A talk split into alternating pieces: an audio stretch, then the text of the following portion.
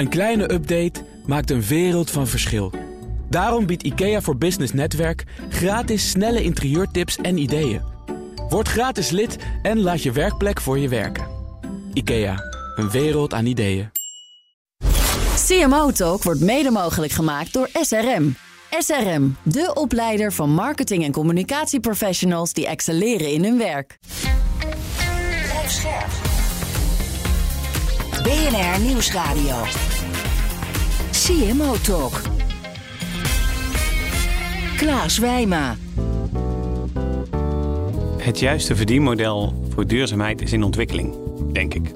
Dus ik denk dat er al op vele vlakken hele mooie initiatieven zijn. Uh, dat er ook al de eerste uh, zaken zeker gebeuren. Uh, ik denk wel dat er eh, nog kansen zijn om dat te versnellen. Je hoort Thomas Gripnau, marketing director Nederland bij Friesland Campina. Dag, leuk dat je luistert naar de 87e aflevering van CMO Talk. Vandaag heb ik het genoegen om in de studio te zitten met Thomas Gripnau, marketing director Nederland bij Friesland Campina. Het coöperatieve zuivelbedrijf Friesland Campina bestaat al lang. Maar de laatste jaren zijn de ontwikkelingen in een stroomverstelling gekomen. De uitdagingen zijn heel erg groot en verduurzaming is een randvoorwaarde geworden voor toekomstig succes. Welke rol speelt marketing hierin? We gaan het hebben over de transitie naar een bedrijf dat nou, klimaatneutrale zuivel produceert met nieuwe proposities als plantaardige alternatieven. Nou, het is een mond vol. Thomas, van harte welkom in, uh, in de studio bij CMO Talk. Ja, leuk.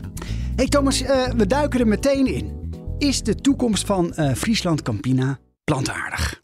Ik denk dat de toekomst van Friesland Campina, die is eigenlijk daar waar wij de consument kunnen dienen met gezonde en duurzame voeding. En ik denk dat de plantaardige alternatieven daar prima in kunnen passen. Daar zit natuurlijk wel een beetje meteen de spanning op. Hè? Dus, maar misschien nog even een stapje terug. Want Friesland Campina is een multinational. Maar jullie zijn bovenal ook een coöperatie van, van boeren. Leg eens uit die verschillen. Ja, want inderdaad, ik denk dat veel mensen Friesland Campina kennen als het consumentenbedrijf, of als het bedrijf, de NV. Net zoals veel andere bedrijven in Nederland. Maar wat Friesland Campina in Nederland echt uniek maakt, is dat we een andere eigendomsstructuur hebben. dus onze leden melkveehouders hebben zichzelf in 1871, toen, toen het startte, verenigd in een coöperatie. Die coöperatie is gegroeid. Dus je hebt een coöperatie van melkveehouders. Die, dat is de Friesland Campina coöperatie. En zij zijn, die coöperatie is eigendom eigenaar sorry, van het bedrijf Friesland Campina.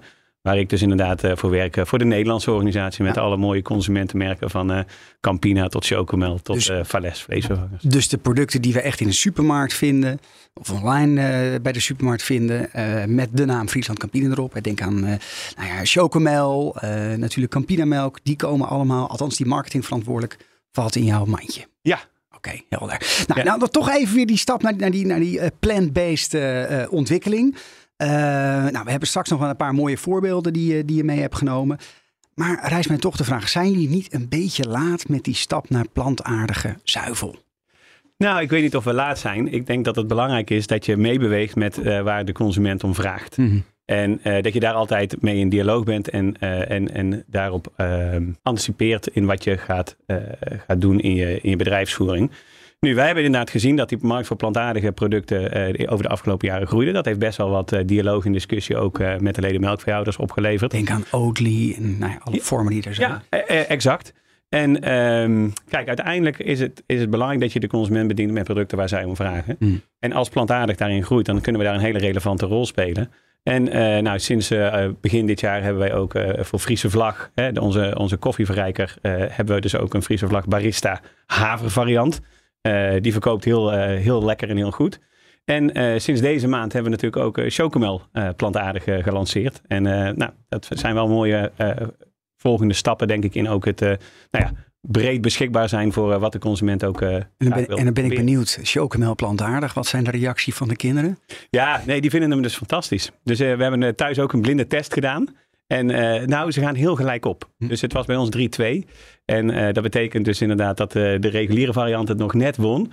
Maar tegelijkertijd zie je dus dat die plantaardige variant echt heel dicht in de buurt komt. En daar zijn we waanzinnig trots op. Dat heeft ook best wel wat tijd en energie gekost, dat snap je. Ja. Om ook echt die enige echte chocomelsmaak te krijgen in een plantaardige variant. Hoe groot is ongeveer het percentage van ja, plantaardige proposities ten opzichte van uh, ja, echt de, de traditionele zuivel? Ja, ik denk dus um, op dit moment zie je dat ongeveer 7 tot 8 procent van, van de markt voor totaal zuivelproducten is, zeg maar, eh, zijn plantaardige alternatieven. Ja. Dus het is nog relatief bescheiden, maar Ja. dat heeft de afgelopen jaren is dat eh, hard gegroeid. Zeker in coronatijd is dat ook versneld. Oké. Je ziet nu met de huidige druk eh, qua inflatie, recessie, dat consumenten daar wel wat heroverwegen. Dus de groei stagneert iets. Maar dan kun je eigenlijk zeggen dat is een soort van ehm, balans versus de harde coronagroei. Dus we zien naar de lange termijn toe wel degelijk groei. Dat het plantaardige segment eh, zeker richting de 10, wel- wellicht wel 20% gaat groeien. Ik ben benieuwd. Wat heeft dan corona te maken met, die, eh, met, met de groeidrijven voor plantaardig? Nou, mensen hebben natuurlijk eh, veel meer thuis Mhm. geconsumeerd. En, Ja. en, en dus minder in, in restaurants, min- nou, op allerlei plekken. Dus het, het, de totale supermarktomzet is natuurlijk gestegen. En daarbinnen zijn zeker plantaardige alternatieven Maar ook hier, weer verder gestegen. hier in Amsterdam, elke koffieshop wordt gevraagd: wil je, hoe wil je je cappuccino hebben? ja, absoluut. Ja, en of dat nou Haver is al bijna de standaard. Haver is bijna de standaard. Of, of soja komt natuurlijk eh, ook, eh, ook heel veel voor. En ja, je hebt ook nog de, de ouderwetse of de reguliere melk. Eh, ja, dat hangt denk ik af van je, van je smaakprofiel. En ik merk ook zelf dat, je, dat het lekker is om ze door elkaar te drinken. Ja, en dat is eigenlijk wat de meeste mensen in Nederland doen. Eh, die zijn, hè, of het nou is bij vleesvervangers, flexitariër. Of mensen houden van variatie en van smaak. En dat, dat is eigenlijk waar je met je, met, met je merk ook op wil inspelen. En dat is ook precies wat we met Vales in die categorie voor vleesvervangers doen. Om te zorgen dat je een ander alternatief hebt. Maar zie je dus in de thuiscategorie dat mensen eerder geneigd zijn om thuis hè, verantwoord eh, eh, van zuivel te genieten?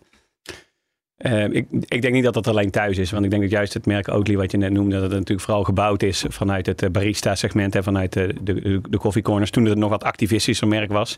De, de- tegenwoordig heeft dat merk natuurlijk de- een iets andere investeerdersgroep achter zich. Mm. Ehm, maar, maar tegelijkertijd, ehm, ja, hebben zij wel die groei heel goed aangejaagd. En natuurlijk ook nog een aantal andere plantaardige merken, huismerken komen daarop. En ik denk dat dat een hele mooie is in de, in de totale transitie eh, die we met elkaar doorgaan om eh, eh, ja, naar de toekomst te kijken. Tegelijkertijd denk ik daarbij wel ook dat we juist ook vanuit zuivel heel trots mogen zijn op wat een prachtige producten we maken in Nederland. Ja. Ehm, hoge voedingswaarde, goede voedingswaarde, gezonde producten. En juist ook daarin maken we heel veel stappen op verdere verduurzaming. En nou ja, dat gaat over verschillende assen. Wat is nou jullie strategie eigenlijk op het, eh, op het vlak van plantaardig en niet met name die duur- duurzame koers? Onze, onze strategie op, eh, op plantaardig, en, en denk ik, het, het valt onder en denk ik een, een veel bredere aanpak van onze duurzaamheidskoers. Kijk, Mm. om het heel simpel te zeggen, onze duurzaamheid eh, koers, eh, waar wij het grootste verschil kunnen maken eh, met onze sterke kern in zuivel hè, als bedrijf, is natuurlijk om, die- om op zuivel heel veel verdere duurzaamheidsstappen te maken. Dat doen we natuurlijk ook. Denk aan de biologische melkstroom die we hebben van Campina of juist de melkstroom on the way to planet proof.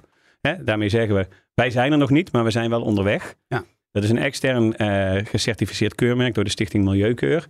En dat gaat eigenlijk over de verschillende assen van duurzaamheid ehm, en duurzame zuivel.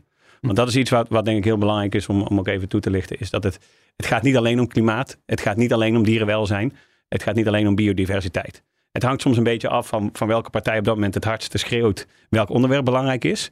Maar wij geloven erin dat het alleen werkt als je op alle vlakken van duurzaamheid in balans de juiste stappen maakt. Ja. Dus en verbetering van dierenwelzijn en verbetering van biodiversiteit en ook de juiste stappen voor het klimaat. En hoe gaat dat bij Friesland Campina?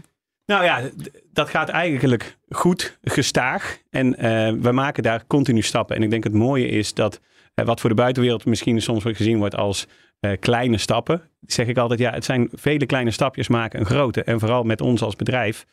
we hebben wel impact als je die stappen maakt. En die stappen die maken we. Die maken we al sinds geruime tijd. Hè. Al sinds 2015 hebben wij op alle boerenerven inzichtelijk eh, wat, wat de klimaatuitstoot is. We monitoren dierenwelzijn. En juist ook eh, wat we nu doen met die, eh, die melkstroom on the way to planet proof melk, is dat we zorgen ook dat we daarmee een eerlijke prijs voor de boer betalen. Ja. Dat is denk ik extreem belangrijk om met elkaar in Nederland te kunnen verduurzamen. Moeten we ook die boeren de kans geven om te investeren in duurzaamheid. En daar onderscheiden jullie op. Nou, ik denk dat meerdere partijen dat doen. Maar ik denk wel dat nou ja, veel van de discussie die er natuurlijk eh, recent leeft, dat we met z'n allen duurzamer willen eten, drinken, et cetera.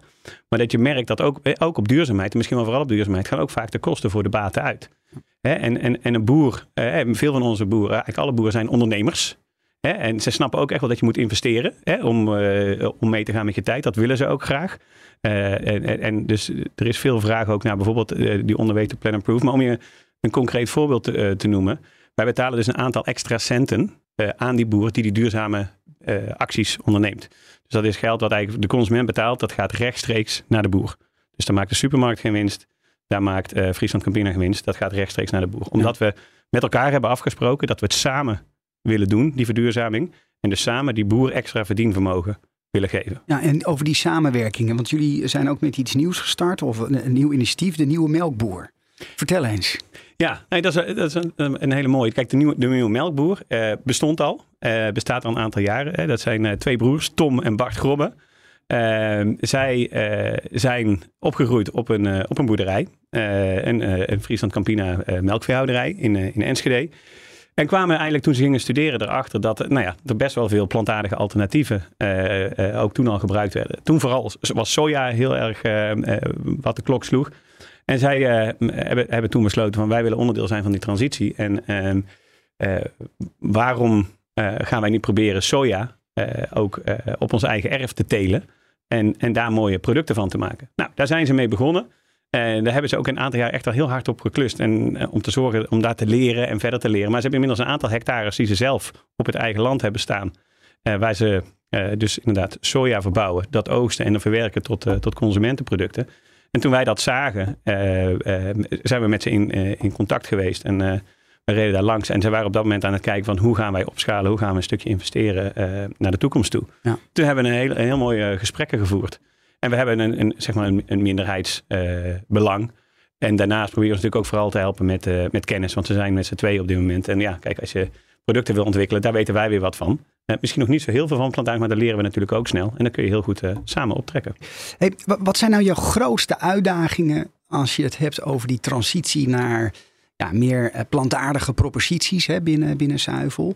Eh, als je het dan hebt binnen, binnen de marketingdiscipline. Ik weet niet of, of, of daar specifiek binnen de marketingdiscipline alleen eh, dat daar specifieke uitdagingen zitten. Kijk, uiteindelijk heb je natuurlijk gewoon een aantal ijzersterke merken in Nederland die ergens voor staan. De uitdaging die je dan dus op dat moment hebt, is dat je ook echt die, choc- die enige echte chocomel smaak moet Nou ontwikkelen. ja, precies de perceptie van, oh, heb ik dan nog steeds Ja. wel dezelfde smaak? Hè? Dus Heineken is dat natuurlijk in, in de rebound heel goed gelukt met 0.0. Precies. Maar die eerste perceptie, die hebben natuurlijk 10, 15 jaar naar het eh, Buckler eh, eh, debakel moeten investeren om ja, eh, alcoholvrij eh tussendoor te krijgen. Ja, nee, absoluut. En dat was nou precies ook zo'n moment, ik denk nu ongeveer een jaar geleden. Toen was ik een paar maanden binnen. En toen gingen we dus een aantal van die plantaardige chocoladedranken proeven. Van, van concurrenten en ook eerste testen zeg maar, vanuit, ons, eh, vanuit onze R&D-collega's. En dan hadden we een hele interessante discussie van ja, dat smaakprofiel is anders. Want eh, ja, plantaardig, dat, dat lukt nog niet altijd om het even lekker romig, vol van smaak te krijgen. En, ehm, en ook onze, eh, de producten die toen ontwikkeld waren, zeiden van ja, die zijn wel aardig. Maar als je start vanuit, van waar, waaruit start je? Als je zegt ik, ik heb iets plantaardigs gemaakt, dit, dit matcht met wat er nu beschikbaar is. Zeiden we, ja, maar dat is niet wat, we, wat wij doen vanuit, vanuit eh, het merk. Hè? Staat voor die enige echte smaak. Dan moeten we ook zorgen dat we die enige echte smaak ook in plantaardig eh, gaan ontwikkelen. Dus dat kostte wat extra tijd. Kostte ook wat extra zeg maar, aan nou ja, de, de, de, de, rauwe materialen die je gebruikt. Hè? Dus je inkoopkosten. Maar ja, dan maak je wel een fantastisch lekker product. En ja, dan zie je dus ook in smaaktesten zie je dat meteen terug.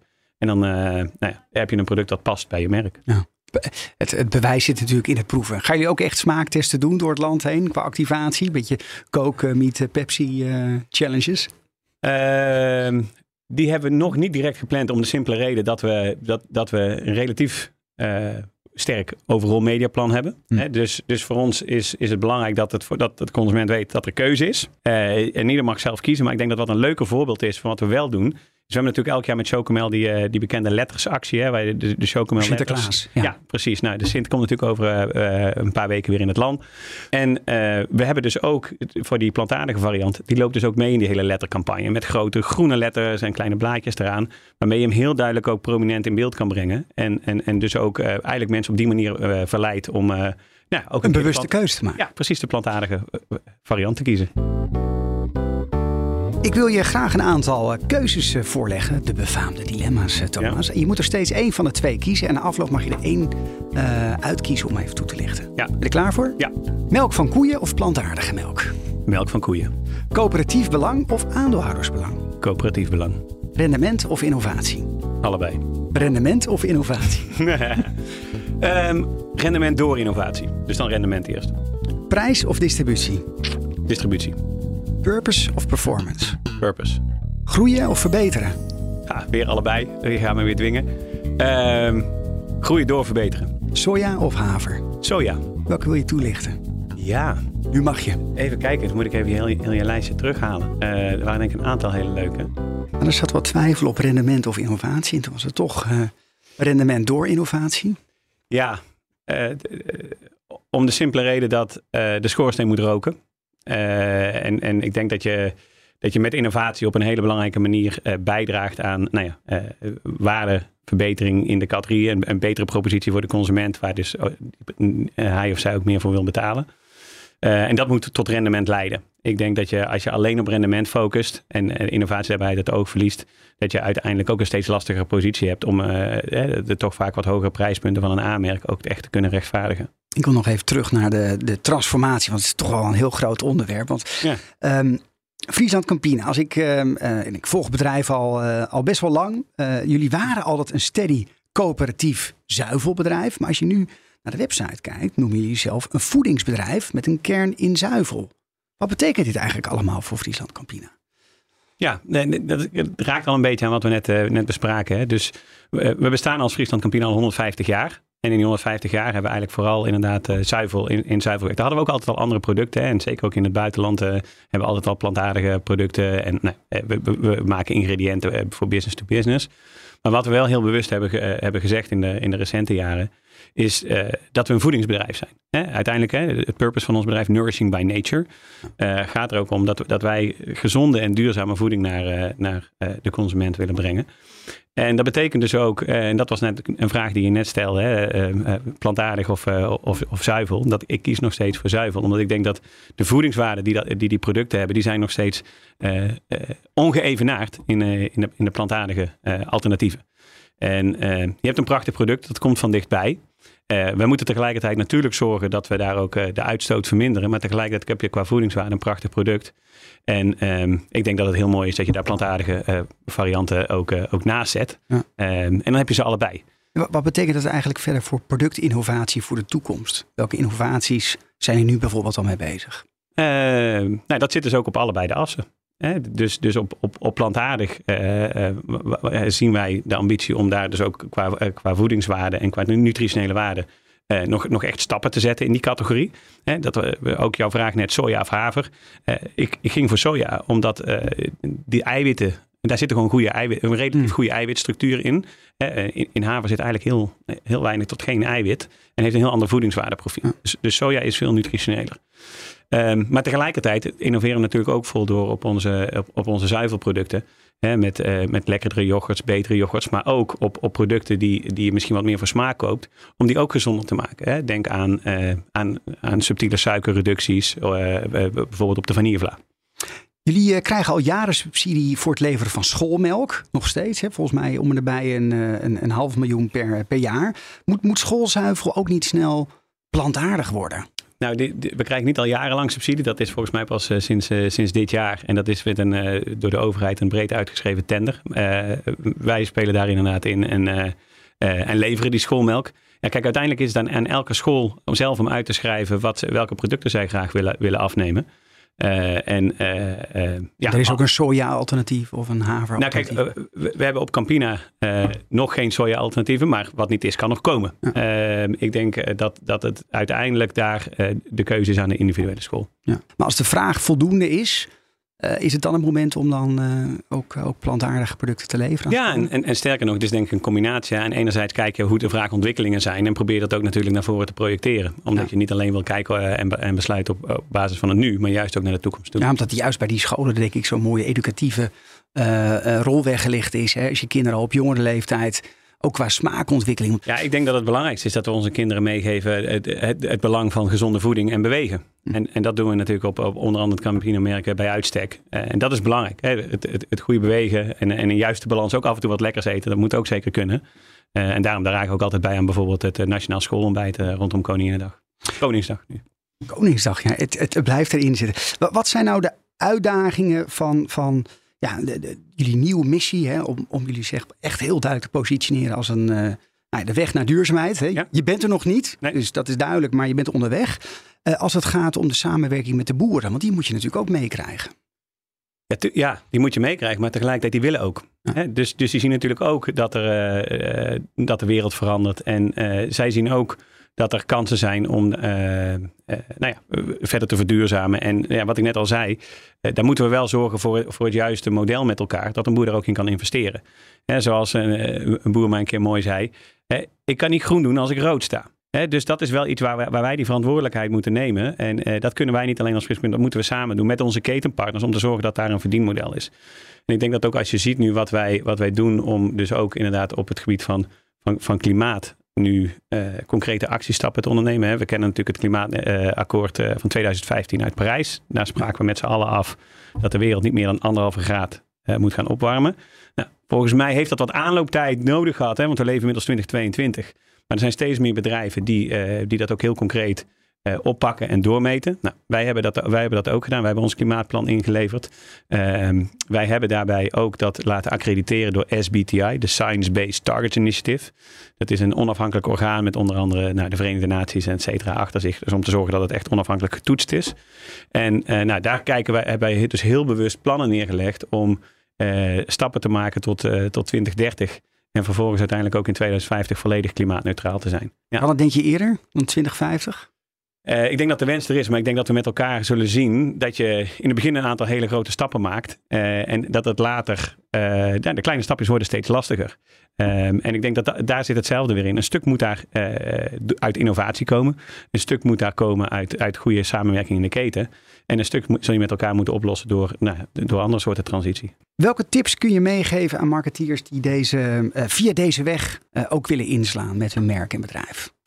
Ja, ik denk dat het belangrijk is om te zeggen dat, kijk, duurzaamheid is heel belangrijk, maar het is, het is vaak, hè, zoals je voor mij ook bij je introductie zei, een, een, een, een- een, randvoorwaarde. Ik weet niet of het altijd de benefit is. Hè, wij, wij verkopen uiteindelijk als Friesland Campina prachtige voeding, gezond en duurzaam. Maar er wordt wel van ons gevraagd dat we transparant zijn over onze duurzaamheidsacties. en ehm, wat, welke tip ik dan nog zou willen meegeven, hè, blijf, blijf dicht bij je product, maar tegelijkertijd doe wel je huiswerk op, op, op je duurzaamheid. eh, ehm, niet alleen wat, welk plan je hebt, maar ook gewoon het huiswerk. Als je carbonreductie wilt gaan meten, moet je natuurlijk wel een nulmeting hebben. Dus je moet weten wat je producten nu zijn.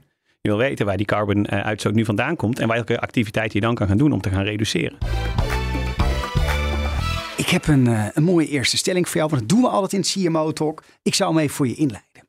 Eh, Friesland Campina heeft naast klimaatneutrale doelen ook nog eens te maken met biodiversiteit, dierenwelzijn. Hè, om een paar nou, belangrijke thema's te noemen.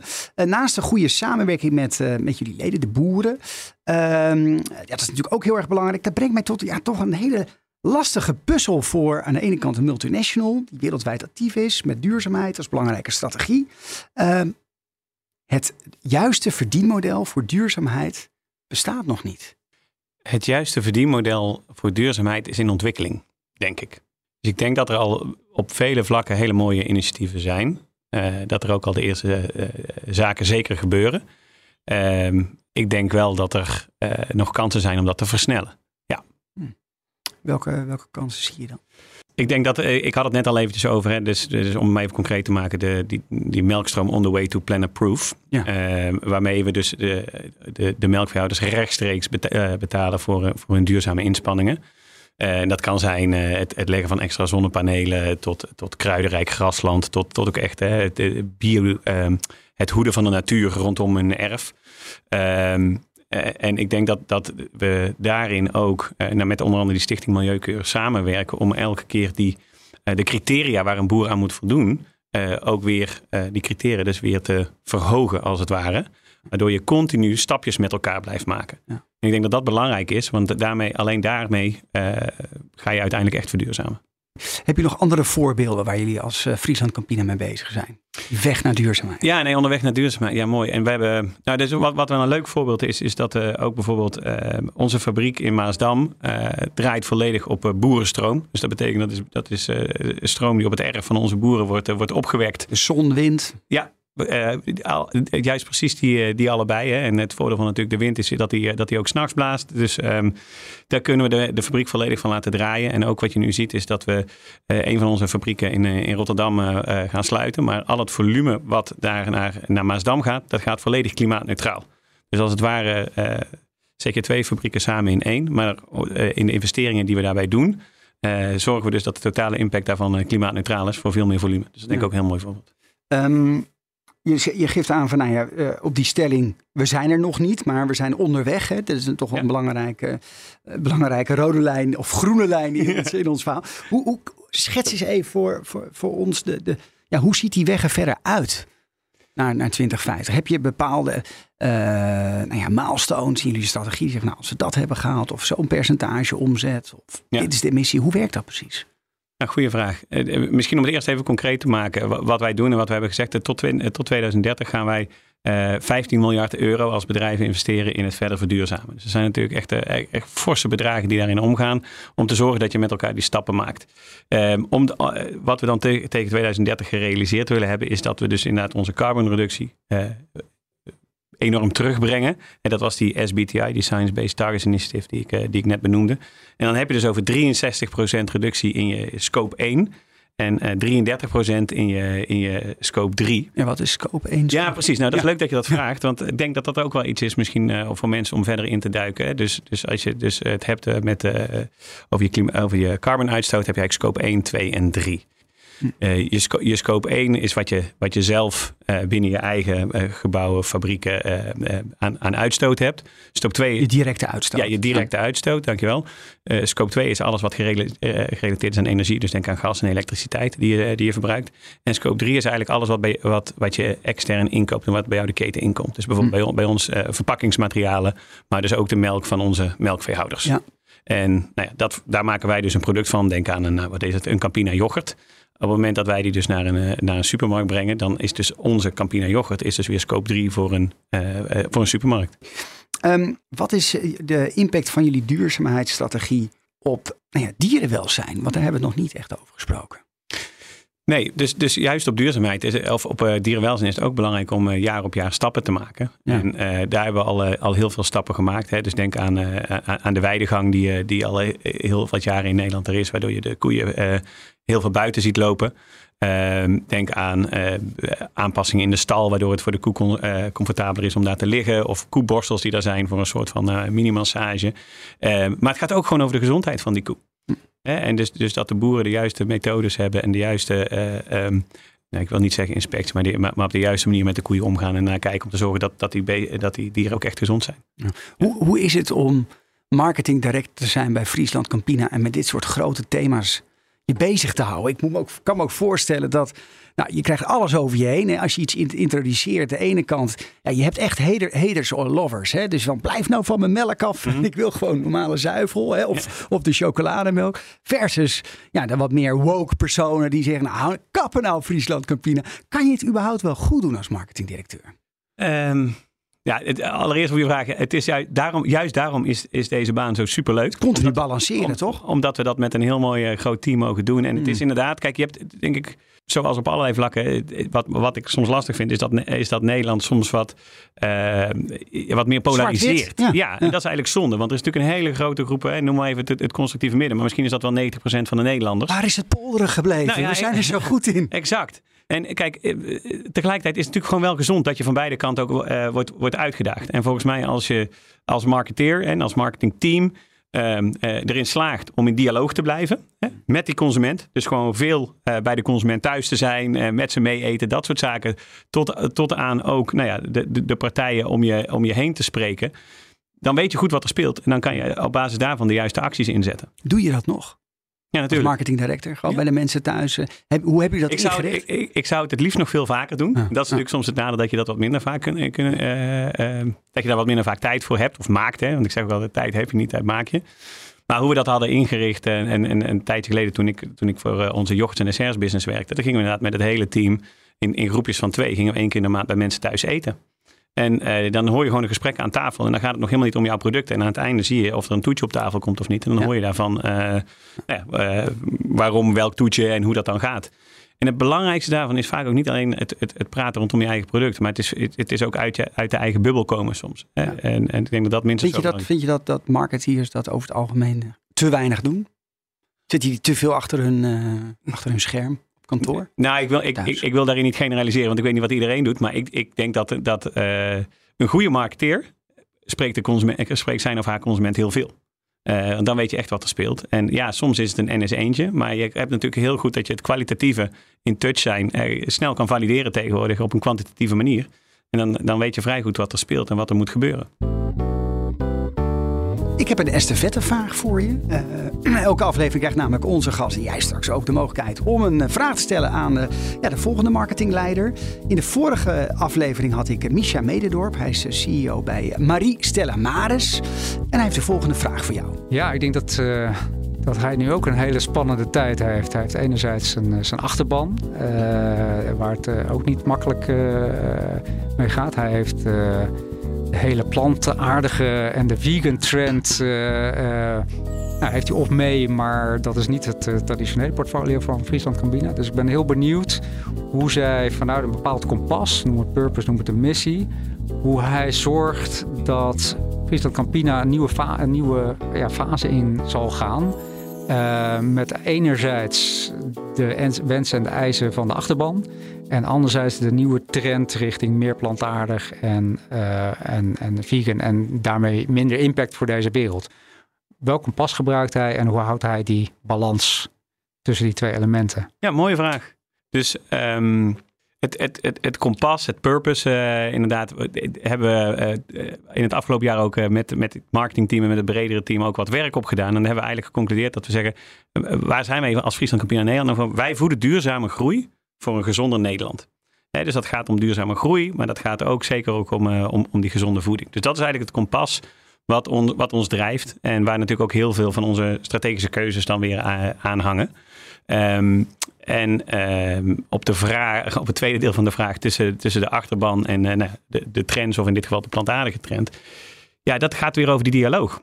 Dus uh, volgende week sta ik ook weer in Wiegen in een, in, in een zaaltje op een ledenbijeenkomst.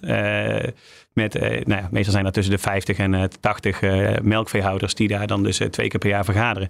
dan vragen ze ook altijd of, of mensen uit het bedrijf dan ook langskomen en ook wat vertellen over hun baan, omdat het wat meer tot leven komt vind dat het superleuk en interessant om te doen. En wat ga je vertellen? Uh, nou, ik ga dus vertellen over inderdaad uh, onze, onze duurzaamheidsinspanningen. Hm. En waarom het zo belangrijk is ook dat we, dat we met elkaar die duurzaamheidsinspanningen doen. He, want dan, dan horen dus de melkveehouders terug wat uh, nou ja, de inspanningen die ze doen, waarom die ook relevant zijn voor het bedrijf. en tegelijkertijd proberen we ze ook nou ja, daarin mee te nemen wat we, wat we dan doen. En het, en het leuke van die dialoog is, het houdt je ook scherper met de voet op de grond. Even weer terug naar jullie website. Ik noemde hem net ook al even kort. Hè. De communicatie op de site is wel, wel gekozen. De beelden zijn natuurlijk prachtig. Maar ja, de vraag is toch, is marketing nou wel de oplossing voor een, een, een duurzame business? Heb ik een stelling voor jou. Zonder samenwerking is de duurzame strategie van Friesland Campina gedoemd te mislukken. Ja, want samenwerking is essentieel. Dit kunnen wij niet alleen. Dit zal met alle partners in de keten. Dus, dus van retailpartners tot partners eh, in, in, in de toelevering tot onze melkveehouders.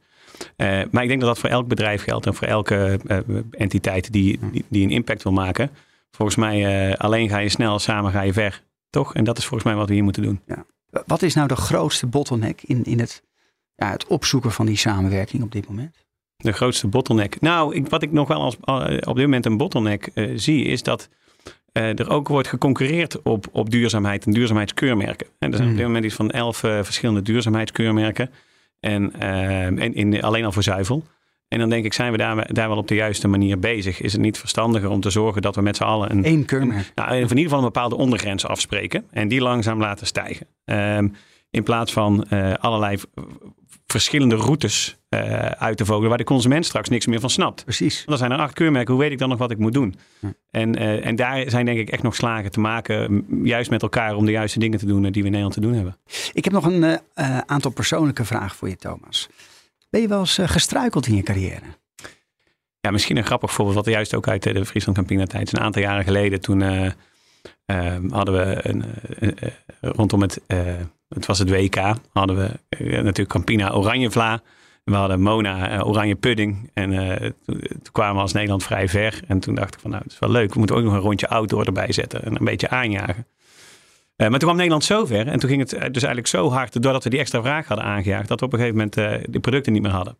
En dan is het dus heel, heel Nederland in rep en groer dat er geen oranjevla is.